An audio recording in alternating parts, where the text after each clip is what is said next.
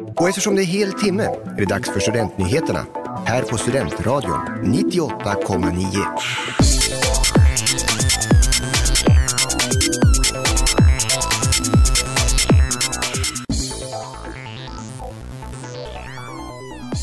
Kungaparet i Uppsala. Problem för utländska doktorander. Livräddningsövning i Fyrisån och en teaterrecension. Det här är veckans nyheter.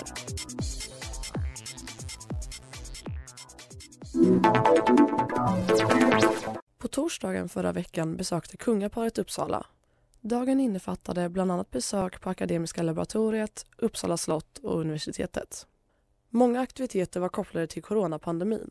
Bland annat följdes hur analysen av ett coronaprov går till. Kungaparet träffade även Uppsala universitets rektor Anders Hagfeldt. Från och med den 20 juli behövs det, för att få ett permanent uppehållstillstånd, en anställning på minst 18 månader för utomeuropeer.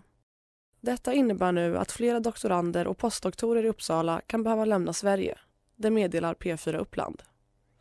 På Uppsala universitet handlar det om mer än 500 personer. Anders Hagfeldt, rektor på universitetet, säger till P4 Uppland att det är bekymmersamt då universitetet vill vara internationellt och att det kan bli svårt, om inte omöjligt, för doktorander att få anställningen som krävs efter disputation.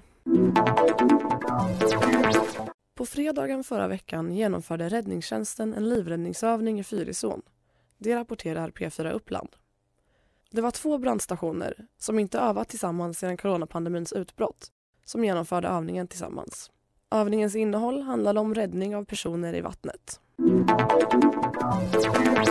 Uppsala stadsteater har återigen öppnat sina dörrar med nya föreställningar för hösten. Rann heter egentligen något annat är en av dessa. Skriven av Stefan Goethes så följer en Rann, en man boendes på en övergiven kulturmötesplats som får möta ett par förljugna karaktärer. Det hela bakar in sig i ett förundransfullt och absurt drömspel med ett flertal tragikomiska stunder. Pjäsen är samhällskommenterande utifrån den medvilliga individen som i detta fall befinner sig i det allt närvarande och trygga sceneriet av Charlotta Nylund. Även om det absurda kan vara svårsmält finns det ändå något för alla att hämta från denna uppsättning. Du har lyssnat på nyheterna i Studentradio 98,9 med Kaj Lokvist och mig, Elvira Oberger.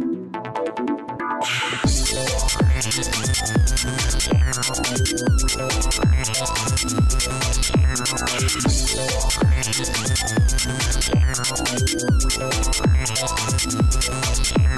do that.